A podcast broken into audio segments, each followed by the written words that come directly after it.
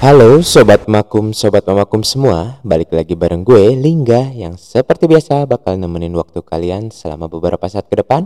Cuma di Salam Makum, Salam Mahasiswa Hukum Indonesia.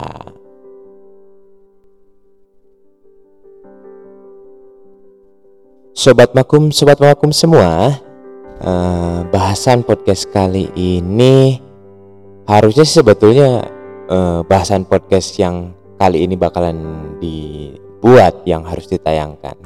Cuma uh, sorry ya, gue kadang lupa sama hal-hal yang detail. Nah, kalau kemarin kita udah bilang ke uh, perjanjian, lalu uh, hal apa uh, mengenai pernyataan lalai.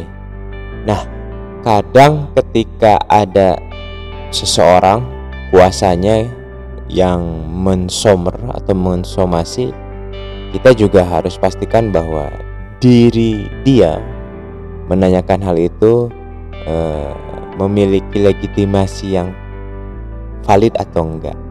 Yap, kali ini e, podcast Salam Makum bakalan ngebahas mengenai pemberian kuasa sobat Makum dan Makum semua. Dan Kali ini gue bakalan ngacu ke bukunya yang berjudul Aneka Perjanjian dari Profesor Subekti.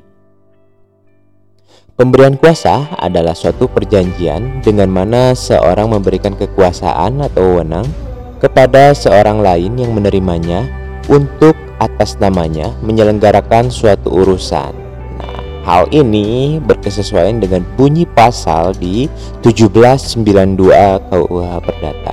Di pasal 1792 KUH Perdata ya, sobat makum dan mamakum semua.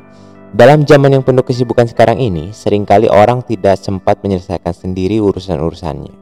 Oleh karena itu, ia memerlukan jasa orang lain untuk menyelesaikan urusan-urusan itu. Nah, ini yang menyangkut dengan e, jasa kuasa hukum atau konsultan dan orang ini lalu diberikannya kekuasaan atau wewenang untuk menyelesaikan urusan-urusan tersebut atas namanya. Nah, kekuasaan atau wewenang yang diberikan untuk melakukan perbuatan hukum atas nama orang lain dalam bahasa Belanda dinamakan volmacht. Dalam bahasa Inggris dinamakan power of attorney. Tidak semua perbuatan hukum dapat dikuasakan kepada orang lain untuk melakukannya yang sangat erat hubungannya dengan pribadi seseorang tidak dapat dikuasakan kepada orang lain. Misalnya, membuat suatu wasiat, testamen, atau memberikan suara dalam rapat anggota suatu perkumpulan. Namun, untuk melangsungkan suatu perkawinan diberikan kemungkinan jika ada alasan penting. Dengan izin presiden untuk mewakilkan kepada seorang wakil yang dengan akte otentik khusus dikuasakan untuk itu. Pasal 79 KUH Perdata. Berhubung dengan ketentuan ini, harus pula dianggap mungkin untuk mewakilkan pembuatan perjanjian perkawinan kepada seorang kuasa, yaitu kepada orang yang diberikan kuasa untuk melangsungkan perkawinannya tersebut. Nah, sobat makum dan sobat makum semua, itu mengenai eh, kekuasaan atau wewenang dan tentunya dalam dalam pemberian kuasa atau surat kuasa ada yang khusus dan umum. Dan biasanya ketika bicara khusus mengenai hal-hal yang lebih spesifik yang diatur dalam surat kuasa tersebut. Dan biasanya para advokat yang beracara itu membuat surat kuasa khusus. Bukan surat bukan surat kuasa umum ya sobat vakum dan sobat vakum semua. Nah ada pula hal lain yang eh, biasanya diatur dalam surat kuasa yaitu hak yang dimiliki oleh penerima kuasa, seperti halnya yang diatur oleh pasal 1812 KUH Perdata. Apa itu? Hak retensi sobat makum dan sobat makum semua. Akhirnya oleh pasal 1812 ditetapkan bahwa si kuasa berhak untuk menahan segala apa kepunyaan si pemberi kuasa yang berada di tangannya sekian lamanya hingga kepadanya telah dibayar lunas segala apa yang dapat dituntutnya sebagai akibat dari pemberian kuasa. Hak yang diberikan kepada juru kuasa untuk menahan barang kepunyaan si pemberi kuasa sampai yang terakhir ini memenuhi kewajiban-kewajibannya terhadap dia dinamakan hak retensi, suatu hak seperti yang diberikan juga kepada seorang tukang yang mengerjakan sesuatu pada barang seseorang. Dan berakhirnya pemberian kuasa, sobat makum dan sobat makum semua, ada bermacam-macam cara seperti halnya yang e, tercantum dalam pasal 1813 KUH Perdata.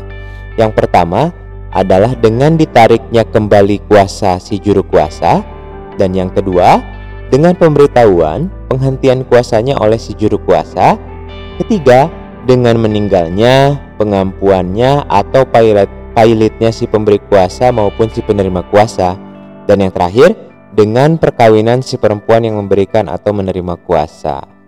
Nah, itu dia sekilas mengenai uh, pemberian kuasa atau surat kuasa yang tercantum di pasal 1792 KUH Perdata.